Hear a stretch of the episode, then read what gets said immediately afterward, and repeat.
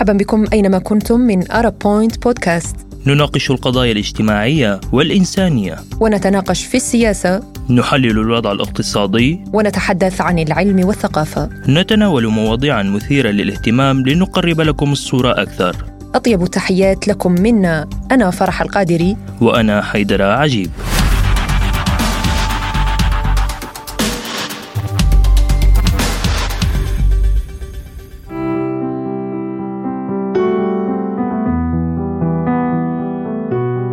بنتساءل دايما عن ما هو الجمال وكيف بنقيس الجمال البشري.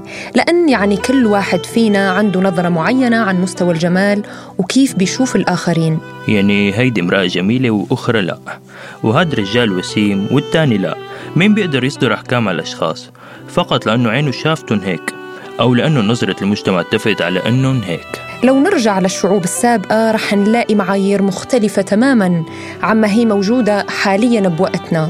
رقبة طويلة جدا ثقب في الأذن على شكل حلقات تكبير للفم تفرقة أسنان واسودادها تصغير للأقدام ومسح الصدر والخصر النحيل وبياض للبشرة.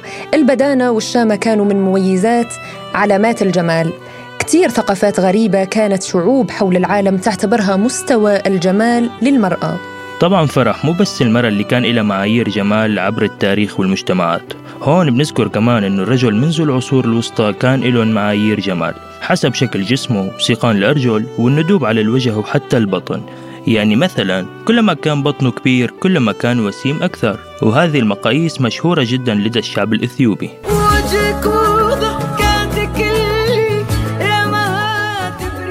يعني أنا هلأ أتبادر لذهني سؤال وأكيد المستمعين رح يسألوه كمان أنه طالما المعايير الجمالية عم تتغير عبر الزمن برأيك زميلي حيدرة هل نحن لو كنا بغير زمن رح يعتبروا أنه نتصف بالجمال أو لا؟ بعتقد هون أنه نحن بدنا نكون متوسطين الجمال على حسب يعني, حسب. المعايير اللي حكيناها قبل بعتقد إنه إيه بدنا نكون متوسطين الجمال نعم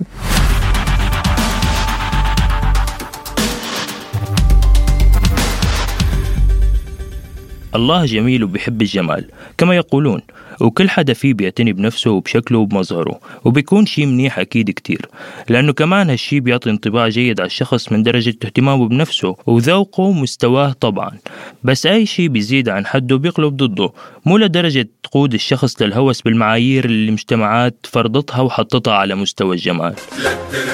البنات صارت تشبه بعضها غرفة عمليات بخاف عليك بعدها. ثلاث ارباع البنات.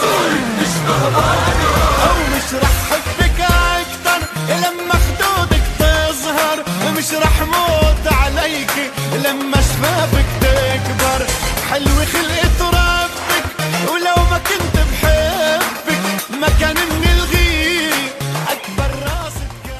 بوقتنا صارت عمليات التجميل هوس اجتماعي وكأنه فرض وواجب على كل حدا. وهاد فقط لإرضاء أذواق الناس مع أنه نحن بنعرف كتير منيح أنه إرضاء الناس غاية لا تدرك.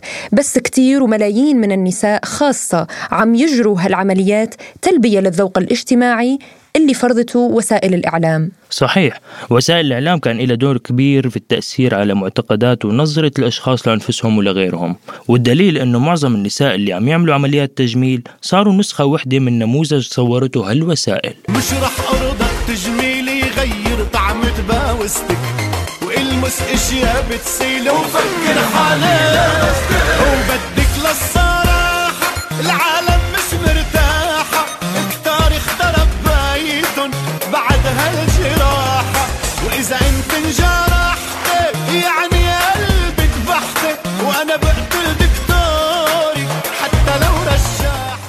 لو نحكي شوي عن عمليات التجميل زميلي حيدرة ونخلي المستمعين يعرفوا أكثر عن تداعيات هذه العمليات. يمكن كثير من الناس ما بيعرفوا أنه أول عملية تجميل بالعالم كانت مو لهدف التجميل بل كانت لعلاج تشويه أحد الجنود البريطانيين واللي كان اسمه والتر يو بعد ما تعرض لجروح بشعة في الوجه خلت الجزء العلوي من وشه كله مشوه بالكامل يعني. وهذا كان في الحرب العالمية الثانية. هاي العملية واللي تعتبر أول عملية تجميل في التاريخ كانت عام 1916 واللي قام بإجرائها الطبيب هارولد جيليس واللي هو أول طبيب تجميل في العالم وأول من استخدم تكنيك الترقيع لإصلاح الجزء الفاسد من خلال ترقيعه بخلايا صحيحة من مناطق أخرى بالجسم.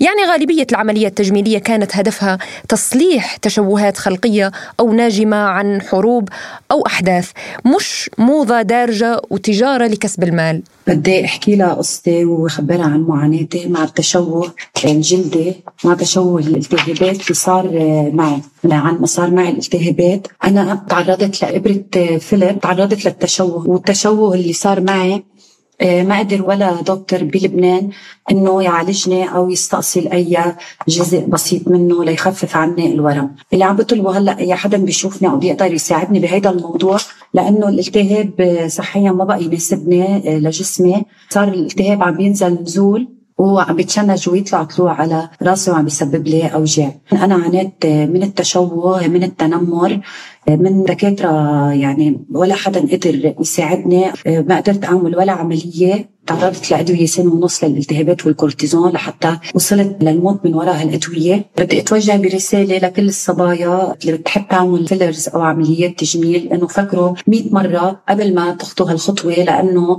ردة فعلها إذا كانت سلبية ما حتكون هينة بالمرة.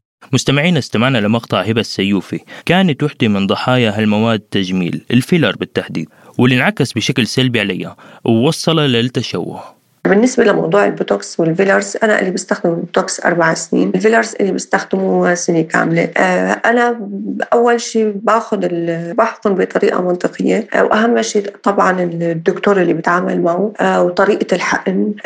تكون أنا باخذ حاجتي أو كفايتي من البوتوكس يعني ما أحقن بطريقة منطقية ما يكون في شيء زيادة أو over بالموضوع. يعني لذلك أنا كثير مرتاحة بالحقن بالبوتوكس ما في أي أعراض جانبية لي أربع سنين. بشكل دوري. أنا بعمل البوتوكس كل 8 أشهر بعمل البوتوكس مرة. آه، ما في أي أعراض جانبية بالعكس ابدا. آه، في نضارة دائما بالوش وكثير أنا مبسوطة بنتائج البوتوكس على وشي. أهم شيء يكون الدكتور اللي عم يتعامل معه منه دكتور تجاري المادة اللي عم يستخدمها بوشنا تكون مادة مؤمنة مادة ما مادة تجارية أو مادة تقليد. تكون مادة فعلا هي المادة الأصلية. وآخذ أنا بس حاجتي يعني قد إيه أنا بحاجة وشي قد إيه آه، بحاجة للكميه المناسبه لوشي وال fillers أنا استخدمت ال fillers كمان استخدمت الفيلرز بحيث يطلع بطريقة منطقية آه، بطريقة طبيعية. استخدمت الفيلر وإني أحكم بطريقة منطقية آه، بطريقة تبين طبيعية يعني ما حطيت شيء يبين كثير اوفر بالوش. وأنا مبسوطة بالنتائج بالعكس بتزداد ثقة بالنفس. النفس آه، في نضارة دائمة بالوجه أهم شيء إنه واحد يكون حابب حاله. وحلو إنه واحد يهتم بنفسه ويهتم بحالك بس مو بطريقة مرضية. مو بطريقة تبين إنه مرضية يعني يوصل لمرحلة الهوس والإدمان. وبالعموم بيبقى استخدام هالمواد التجميلية بآراء متباينة. وحتى نفيدكم مستمعينا الكرام أكثر خلونا نرحب بضيف حلقتنا لليوم الطبيب الدكتور نزار سامي دعسان أخصائي أمراض الجلدية وتجميل البشرة. مرحبا بك دكتور. أهلا فيك أهلا فيك يا اخت أهلا وسهلا. بالبداية يعني دكتور كيف يقيم طبيب التجميل أنه هالشخص بحاجة لعمليات تجميلية أو لا؟ يعني بعيدا عن النظر عن الربح المادي. نعم. اولا بداية شكرا لكم للاتصال. آه، عمليات التجميل تنقسم لنوعين. الآن في عمليات بيكون هدفها علاجي وفي عمليات غير علاجية، الآن العمليات الغير علاجية اللي نحكي نحكي عن العمليات الغير علاجية يعني هي لا يعني غير مقصوده بمرض معين، وهي عادة بتكون إما تغيير شكل عضو معين في الجسم أو علاج علامات التقدم بالسن، وفي جميع الأحوال هذه لا تعتبر أمراض. عمليات التجميل آه، في منها بتكون في آه، هي عمليات التجميل العلاجية مثل عمليات زراعة الجلد ما بعد الحروق على سبيل المثال أو علاج التشوهات الخلقية، فبالتالي آه، تقييم العمليات بيكون حسب حاجة المريض، يعني إذا المريض في عنده مثلا بحاجة لزراعة بشرة زراعة جلد عفوا بحاجة لعلاج تشوهات خلقية أو علاج تشوهات بتصير اثر حوادث أو إصابات معينة فبالتالي على هذا الأساس بتم تقييم وتحديد العملية و... يعني بده يكون بحاجة عن جد لأنه يعمل عملية عملية تجميل مو فقط إنه بس بدي اعمل عملية تجميل. طبعا هلأ جراحة التجميل هي جراحة واسعة علاجية مش فقط التجميل اللي هو المتعارف عليه الأستاتيك اللي هو التجميل فالعمليات الجراحية زي ما حكيت بنقسم قسمين، قسم في لها داعي جراحي وقسم ما لها داعي جراحي، وهي العمليات حتى المريض تبعها ما بنسميه مريض بنسميه كلاينت أو زبون أو هو بيكون ما عنده أي مشكلة مرضية، بيكون فقط هو عنده رغبة في آه، تغيير أو آه، تغيير شكل معين أو علاج علامات الكبر بالسن اللي بترافق مع العمر يعني مثلا مثل هبوط الأكياس الدهنية في الوجه مثلا بتوزز بنسميها والتجاعيد أو نعم أو تحسين نوعية البشرة مثلا هي لا تعتبر عمليات أو إجراءات تسمى procedures طيب دكتور بدي حاب أسألك هون يعني آه، بالنسبة للنساء اكثريتهم بيلجأوا للاستخدام البوتوكس وال filler اليوم يعني بيومنا هذا. فمن الناحية الطبية برأيك شو شو ضرورة ال filler؟ شو ضرر ضرره ال filler على الشخص. شو بتكون نتائجه بعدين؟ على المدى البعيد يعني. هلا آه استخدامه تمام. هلا البوتوكس وال filler انت قصدك تمام؟ نعم. هلا البوتوكس هي مادة هي مادة موجودة من زمان بالخمسينات أو أكثر من الأربعينات بلش يعني استخدامها أو تجريبها وهي مادة عبارة عن botulotoxin أو سم ال botulinum وهي مادة بتعمل على إرخاء العضلة إرخاء العضلة. هلأ هي قبل التجميل كانت تستخدم تستخدم حاليا في الطب في في الجراحات مثلا معينة لإرخاء عضلة معينة. في العيون استخدموها لعلاج الحول في فترة ما. ويمكن بعض الأطباء الآن بيستخدموها لأنها بترخي العضلة، التجميل دخلت بعد التسعين فبرخوا فيها العضله العضلات التعبيرية وبالتالي بت... لما نرخي العضلات التعبيرية الخطوط هاي العلوج التعبيرية بتخف أو ظهورها بقل. وممكن تستخدم كوقايه، أضرارها ك... كهاي ما لها أضرار يعني فيش لها أضرار مباشرة. هي آمنة ومرخصة من جمعيات الغذاء والدواء الأمريكية والعالمية يعني في البلدان. معظم البلدان. ممكن تكون يعني زي أي دواء لها ممكن تكون individual يعني reaction إنه تكون مثلا مريض معين تعرض لحساسية من هاي المادة كان ممكن يتعرض أما هي كمادة لها اثار سلبية مباشرة لكن هاي المواد عادة نحن حرصا يعني ننصحش اللي مثلا المرضعة والحامل إنها تتعاطاهم أو يعني تعمل هاي الإجراءات تحسبا لعدم وجود الدراسات الكافية على هاي النوعية من المرضى، لكن بشكل عام في دكتور حاب أسألك هون هلا في مثلا نفترض إنه نحن عمل الدكاترة باليوم إنه لما بدها تقوم تعمل عملية نعم. لحي لشخص بحاجة ال filler أو البوتوكس، لنفترض إنه الكريمات نعم. اللي بتنباع بالسوق لما بتستخدمها بيكونوا كاتبين إنه أول فترة استخدمها بس إنه على منطقة معينة من الجسم لتعرف إنه عندك حساسية ولا لا من هذا الكريم، فالدكتور بيومنا اليوم نعم. بحاول يعمل للمريض تبعه هذا هذا الفعل قبل إنه يجرب البوتوكس راح يضره بعدين في رد ارتداد من الجسم. allergic test هسه ال allergic test هو فحص الحساسية لبعض المواد. في بعض مواد التجميل بعض مواد التجميل بنعمل لها allergic test على منطقة معينة من الجسم. زي مثلا في مواد معينة اللي هي الكولاجين therapy تمام؟ بعض هاي المواد بتكون مصادرها حيوانية مثلا كولاجين من مثلا من الحصان أو من أنواع معينة من السمك تؤخذ. فهاي المواد ممكن بعض الأشخاص يعني يمكن تعرض لحساسية معينة فبنعمل عليها allergic test، لكن هاي المواد نادرة، لكن في البوتوكس وال fillers ما بنعمل هيك فحوصات يعني ما في indication لأنه نادرا جدا أصلا زي ما حكيت لك نادرا جدا جدا إنه يكون إنه شخص إنه آه، يصير عنده حساسية معينة. منها. عندي أنا كمان طبعا لا تخلو لكن نادرة جدا. عفوا في حالات لتشوهات يعني أشخاص قاموا بحقن الفيلر وتعرضوا لتشوهات تكتل في الخد أو في الوجه يعني بشكل عام أين تم حقن الفيلر؟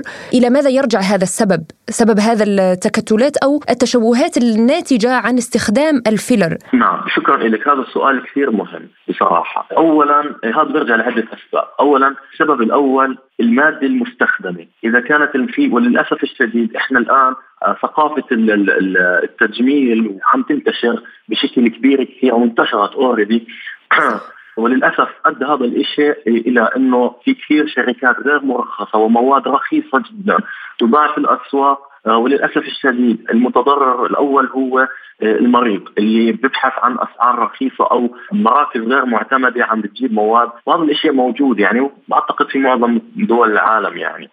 فالمواد الغير مرخصة الغير نظيفة اللي مجهوله المصدر طبيعي جدا جدا إنها تكون غير آمنة. وغير ال complications أو المشاكل الاثار الجانبيه السلبيه كحساسيات وغيرها طبيعي إنها تكون كبيرة. الشغله الثانية السبب الثاني هو الماستر أو الطبيب أو اللي بده يجري هاي العملية، ضروري جدا يكون إنه الإنسان اللي بده يعمل هذه الإجراءات يكون طبيب مختص آه، درس ال anatomy بيعرف شو وين بيحقن بيعرف شو بيحقن قد يحقن الأماكن الممنوعة. لأنه للأسف الشديد آه، عم نشهد في آخر فترة دخول أشخاص غير مؤهلين على هذه المهنة وعم بيمارسوها سواء في صالونات تجميل أو حتى في بيوت أو حتى في أماكن غير معقمة ما عندهم أي دراية يمكن أخذ له دورة ما بعرف أو حدا علمه. أو شاف على مواقع التواصل الاجتماعي. طبعا للأسف للأسف الشديد الآن كثير من المروجين ومشاهير وعم لهم نسبة متابعين عالية من الناس اللي بتحقن لا تمتلك شهادات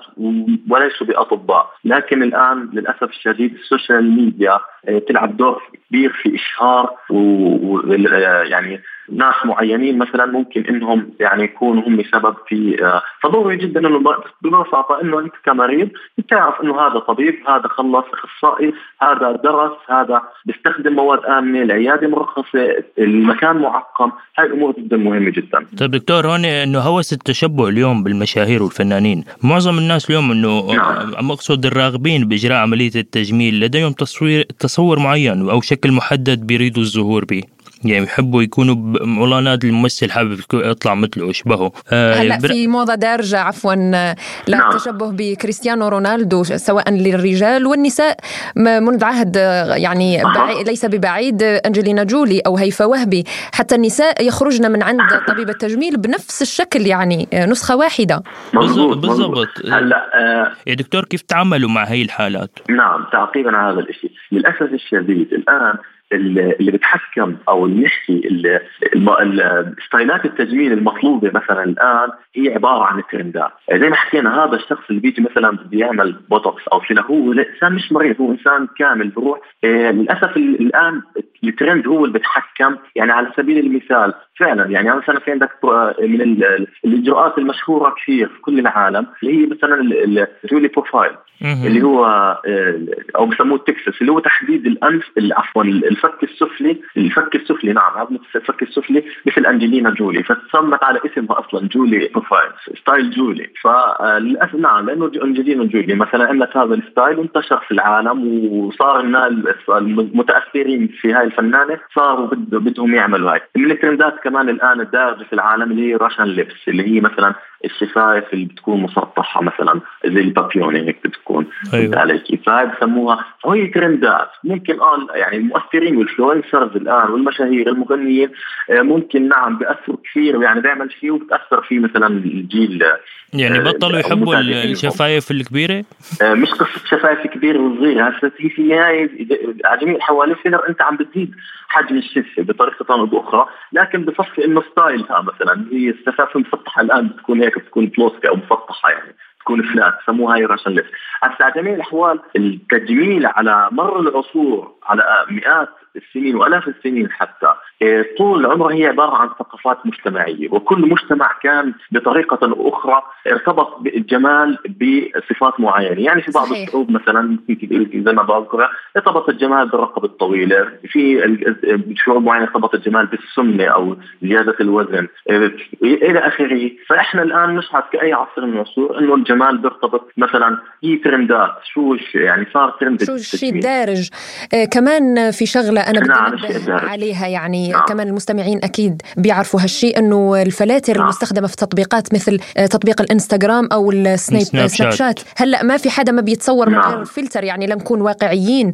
آه، وفي حتى نسوان أو بيروحوا على الدكتور وبيقولوا له إنه بدنا نطلعنا على نفس هالفلتر يعني شكل الوش شكل العين شكل السحبة تبع العين آه، هيدي كمان بتؤدي إلى نعم. الهوس بالتصور الخاطئ لرؤية الشخص لنفسه يعني بوافقك تماما صديقي. وللاسف أحيانا كثير بيتصوروا حتى بالسناب شات بيكون الصور إنه كثير بشعه إنه بس بيفكروا إنه إنه جميل. 100% للأسف الشديد الفلاتر هاي لها تأثير نفسي جدا كبير على المستخدمين ال social media platforms منصات ال social media. طبعا لها تأثير نفسي لما أنت تشوف فلتر معين تشوف بشرتك صافي مش صافي مثالية. عيونك صاحبتهم مثالية. اللون كذا كذا. طبعا هذا وبعدين تيجي بدك تنزل مثلا story ثاني بدون فلتر وتشوف الفرق الشاسع. أنا بصراحة حاب أعقب على شغله وأوجه رسالة لأنه أنا كطبيب بموضع مسؤولية بصراحة. نعم. وبوجه رساله للمتابعين والمستمعين. ودائما لمرضاي أنا لا تتأثر حب نفسك كما أنت. علامات الكبر بالسن أو تغيرات البشرة هي آه هذا تحصيل حاصل. هاي إحنا خلقنا هيك وهي طبيعة أجسامنا. فيك تتقبلها. يعني ما تكون بالنسبة لك عائق إنه تشوف بحال حب نفسك كما انت حب أنفك كما هو حب شفايفك كما هي. okay هذا لا يخلو لا يعني إنك أنت ممكن ما تعمل. حتى لو عملت شيء ما تندرج وراء الترند مرات بكون فعلا في بحاجه مثلا يعني فهمت علي كيف؟ بكون في حاجة إنه بعمل إجراء بسيط بعطي نضارة أو نقلة وجه شيء حلو كذا. يعني إحنا ما بنحكي ما تعمل اعمل. بس لا تكون أنت عبد للمؤثرين لا تكون عبد للترند لا تكون عبد لل social media كن أنت صاحب قرارك حب نفسك كما أنت. وإذا حبيت تعمل شيء اعمل أنت ضمن قرارات من قناعتك الشخصية مش لأنه هو هذا اللي ترند الدارج صحيح. شكرا لك الدكتور نزار سامي دعسان أخصائي أمراض الجلدية وتجميل البشرة على هي النصيحه مثل ما بيقولوا نصيحة بجمل. وإن شاء الله يعني الكل يستفاد نعم. من انه بالفعل يحب نفسه ويرى نفسه جميل حتى يرى يعني كن جميلا ترى الوجود جميلا. شكرا. شكرا. نعم. شكرا دكتور. شكرا. مع السلامة. شرفتي